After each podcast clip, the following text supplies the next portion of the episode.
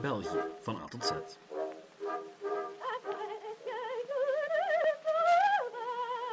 Welkom bij Geschiedenis van België. En welkom bij de letter R. R voor Reinaard. Reinaard de Vos om precies te zijn. Een literaire figuur dus, maar tegelijkertijd ook veel meer dan dat. Reinaard is min of meer een BV, met zijn eigen standbeelden, wandelingen, cafés, volksfeesten en zo verder. Nu, waar komt die figuur eigenlijk vandaan? En welke Reinaard is dan de echte Reinaard? We hebben het over vossen, wolven, de middeleeuwse standenmaatschappij en last but not least over de nazi-versie van Reinaard de Vos. Want jawel, die bestaat. Ik was ook verbaasd. Dat en meer in deze aflevering van Geschiedenis van België.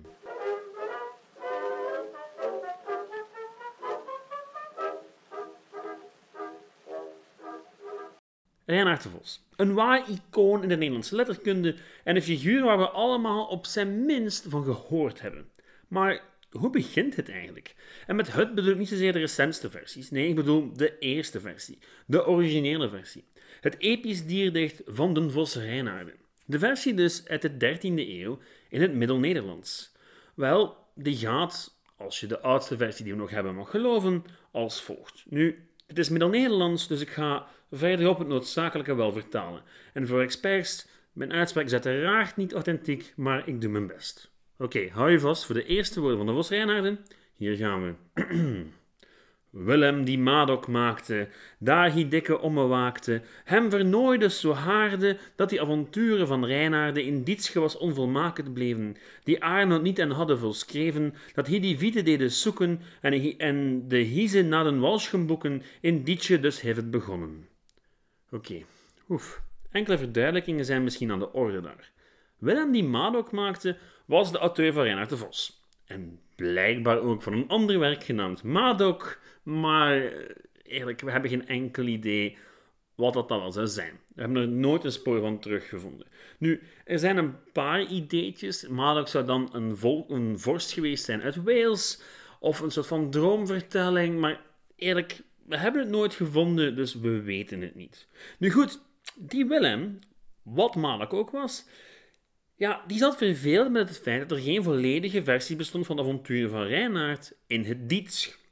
En Dietsch is zowat een verzamelnaam voor Middel-Nederlandse talen tussen 1200 en pakweg 1500. Maar Willem leert niet bij de pakken zitten, spoorde enkele Walsche boeken op en begon het verhaal neer te pennen in het Dietsch. Nu, Walsch is dan weer een Romaanse taal die tijdens de middeleeuwen gesproken werd in het noorden van Frankrijk en wat vandaag Wallonië is. Vandaar Wal, weet je wel. Nu, dat is allemaal wat technisch, maar uit die inleiding leren we twee belangrijke zaken. Ten eerste dat het verhaal van Reinhard de Vos zelfs al in de 13e eeuw na Christus niet nieuw was. En dat het oorspronkelijk in een andere taal geschreven was. En dat is redelijk belangrijk. Want, ja, technisch gezien is Reinhard de Vos dus niet exclusief Belgisch. Of zelfs Nederlandstalig. Op zich redelijk logisch, maar toch.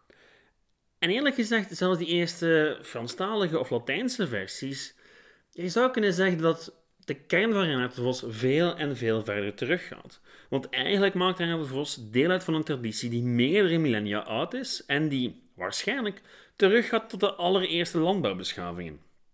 Hoe dat weten? Wel, overal waar er vossen rondlopen, heeft men er min of meer dezelfde verhalen over.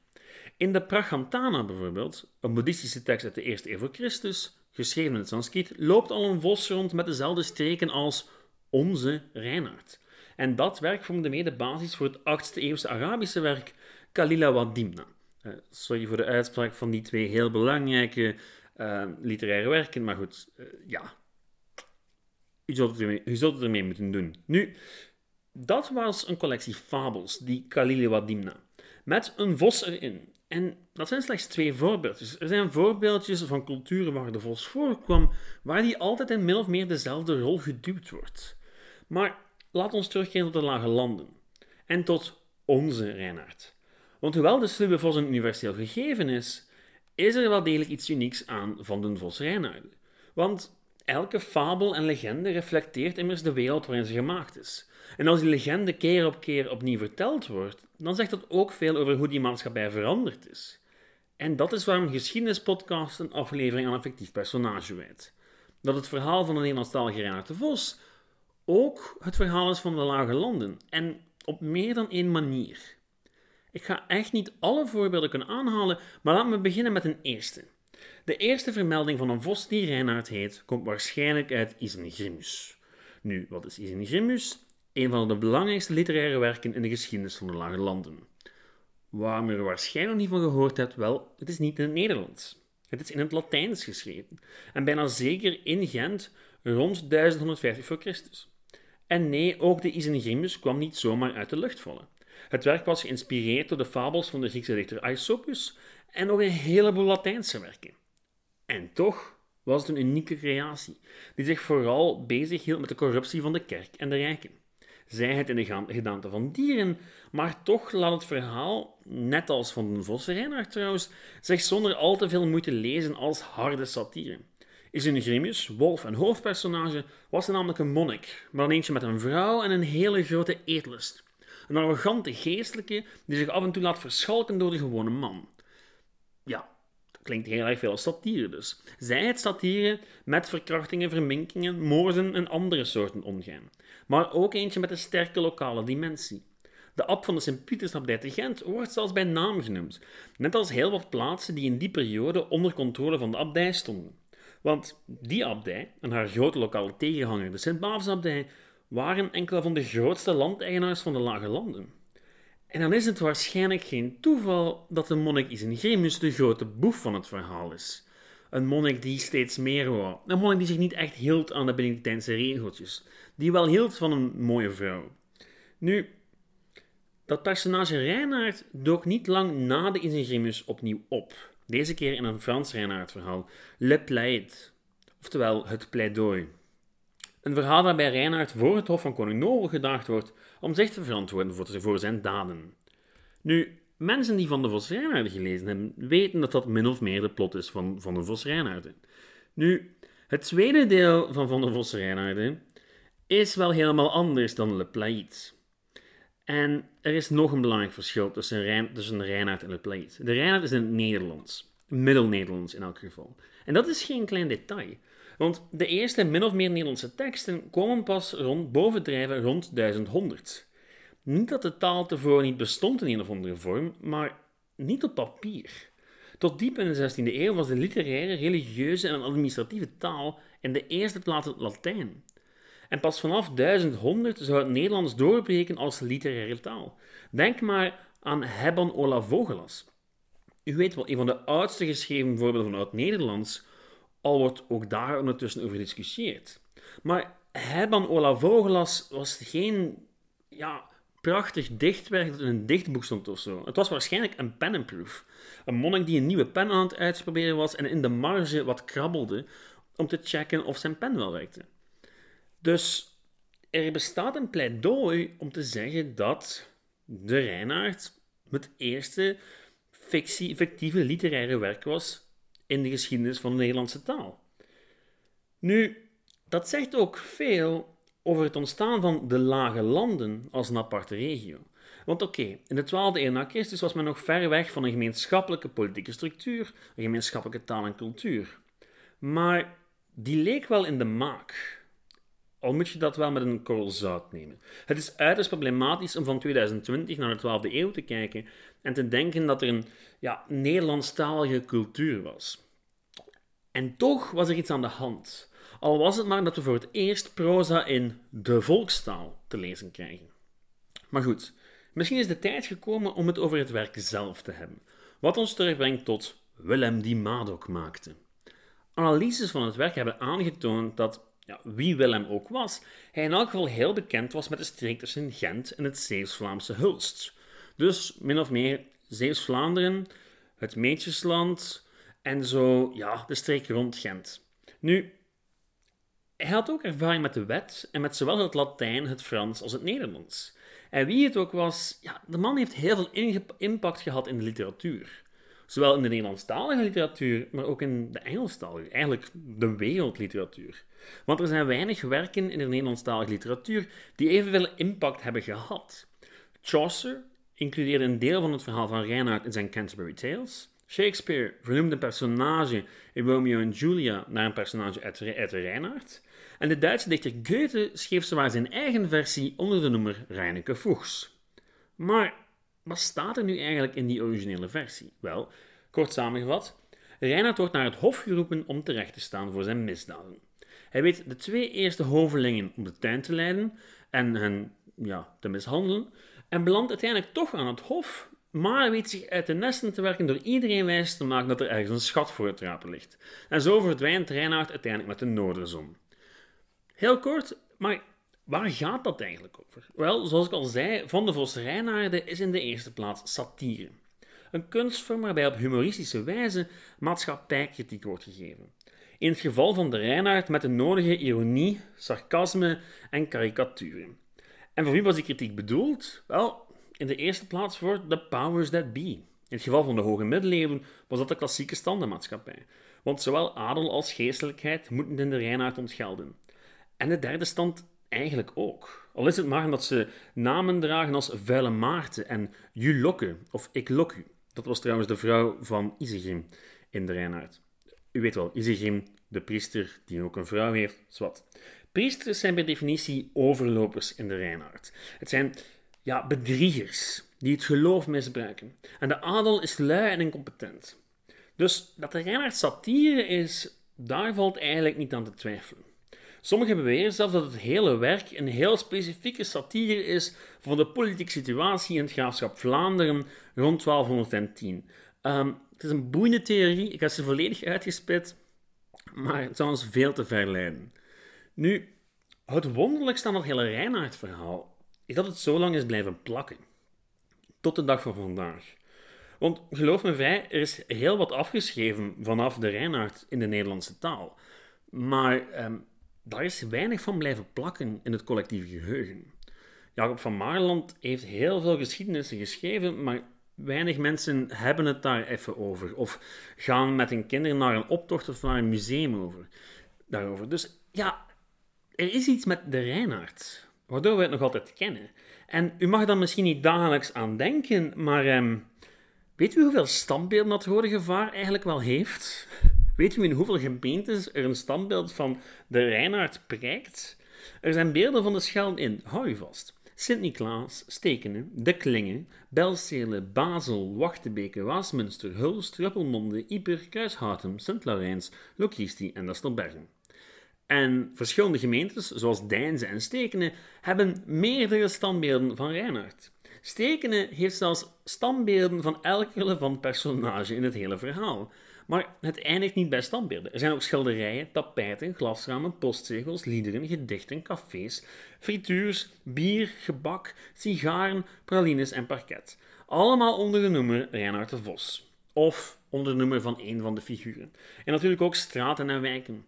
In Deinzen zijn er hele wijken onder de noemer Reinhard en figuren zoals Isegrim en dergelijke. Er zijn ook scholen, wandelpaden, fietspaden. En het feit dat ik al die informatie makkelijk heb kunnen terugvinden op een webpagina met de titel, met Inventaris van het Reinhard gebeuren, ja, dat vertelt u ook alles wat u weten moet over hoe aanwezig die fictieve figuur nog wel is. Wat me tot de volgende vraag brengt. Waarom? Waarom is die Reinhard nog zo relevant? Wel, je zou kunnen zeggen dat satire van alle tijden is. En er altijd wel iets of iemand is waarmee de draak gestoken kan of moet worden. En waarom dan geen gebruik maken van verhalen die al sinds mensenheugenis in de culturele geheugen ronddwalen? Van zowat elke cultuur op aarde. Want dat idee van de vos, of die nu rondzwerft in de tuin van islamitische geestelijke, of met de vrouwen van priesters aan de haal gaat, toch zijn die vossenverhalen steeds opnieuw gebruikt om de eigen wereld te persifleren. Wat je niet ziet met andere satireverhalen. Het gebeurt wel, maar het is veel minder wijd verspreid. En dat blijkt ook als je naar de bibliografie van de Vos kijkt. Sinds de eerste verschijning van Reinhard de Vos in Isengrimis duikt hij telkens opnieuw op in een of andere gedaante. Hetzelfde, maar anders. Aangepast aan de nieuwe tijden.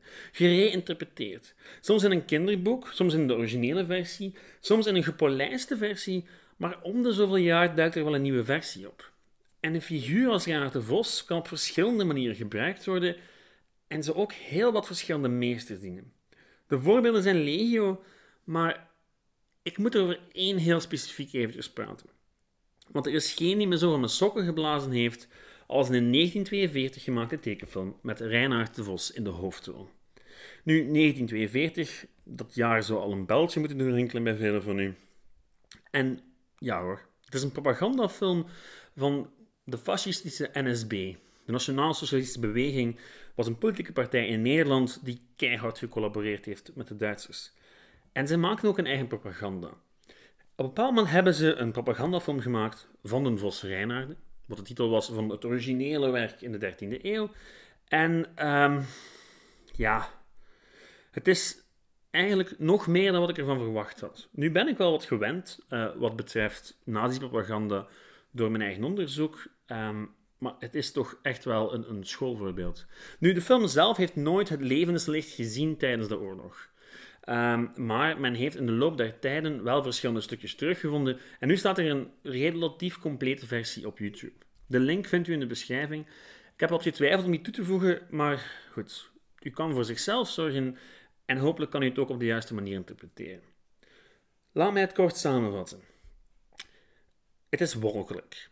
Het is een soort van Disney-achtige tekenfilm waarin een nieuw personage geïntroduceerd wordt in het verhaal van Reinhard de Vos. Jodocus. En Jodocus, ja ja, Jodocus, hè, is een neushoorn. het ligt er redelijk dik op. Is een neushoorn die de dieren aanzet tot soortenvermenging en herhaaldelijk gelijkgesteld wordt met de idealen van de Franse Revolutie, vrijheid, gelijkheid. Nu, daar wordt in de tekenfilm al heel snel de draak meegestoken en er wordt ook heel hard de draak gestoken met het uh, mengelen van uh, rassen. Iets wat men ook heel um, beeldend naar voren brengt. Nu, op het einde van het verhaal komen de dieren van het bos in opstand en drijven ze Jodocus en zijn verwanten in de zee. Um, ik, zou die, ik zou die video stuk voor stuk kunnen analyseren, maar dat ga ik niet doen. Um, feit is dat het echt angstaanjagend is hoe goed het wel gemaakt is. Hoe goed het gemaakt is voor zijn tijd. Nu, het verhaaltje van de tekenfilm werd gebaseerd op een jeugdboek, geschreven door een van de ideologen van NSB. En die zijn intenties waren redelijk duidelijk. Dit is heel duidelijk antisemitisch. Dit is fascistisch. Dit is heel duidelijk palingenetisch, een term die heel vaak gebruikt wordt als het gaat over fascisme. Het, het, het is flagrant, flagrante propaganda. Maar hoewel de video dat wel de Vos gebruikt als een personage, is dit voor mij persoonlijk niet het verhaal van de Vos Reinhardt. Enkel een redelijk doorzichtige poging om een duidelijke racistische en fascistische ideologie te verspreiden door het gebruik van een gekende figuur. En als je het aan mij vraagt, doet heel die fascistische episode weinig af aan het belang van de Vos Reinhardt voor de Nederlandse taal. Want dat belang is gigantisch. Al is het maar dat het altijd opnieuw verteld wordt, door de eeuwen heen. Elke versie van het verhaal is een reflectie van de schrijver en zijn publiek. En door af en toe een of andere versie van het Reinhard-verhaal ter hand te nemen, kan je weer een heleboel leren over de wereld van die schrijver en zijn publiek. En die nazi-propaganda, dat is gewoon een van de vele voorbeelden. Want de echte Reinhard, die bestaat denk ik niet. Want elke generatie vindt hem gewoon opnieuw uit. Soms met bloed en verkrachtingen, soms zonder. Soms als nazi-propaganda, soms als pluizige kindervriend, want ja, ook die versies bestaan. En hoe de Reinhard verteld wordt, vertelt vooral veel over de verteller en wat hij wel en niet wil zeggen. Maar laat dat net een reden zijn om hem ook te lezen. Opnieuw en opnieuw en opnieuw in al zijn vele versies. Oké, tot daar onze vriend Reinhard en tot daar ook deze aflevering. Bedankt voor het luisteren. Ik post morgen de bronnen voor deze aflevering op de Facebookgroep. Als ik het niet nog maar eens vergeet, waarvoor mijn excuses. U kan de podcast steunen door te liken op Facebook, Spotify en iTunes. U vindt mij heel makkelijk onder de nummer Geschiedenis van België. En volgende week gewoon bij de letter S. De letter S voor Suske en Wiske. Want ik doe mezelf eens een cadeautje. Tot dan. Ciao.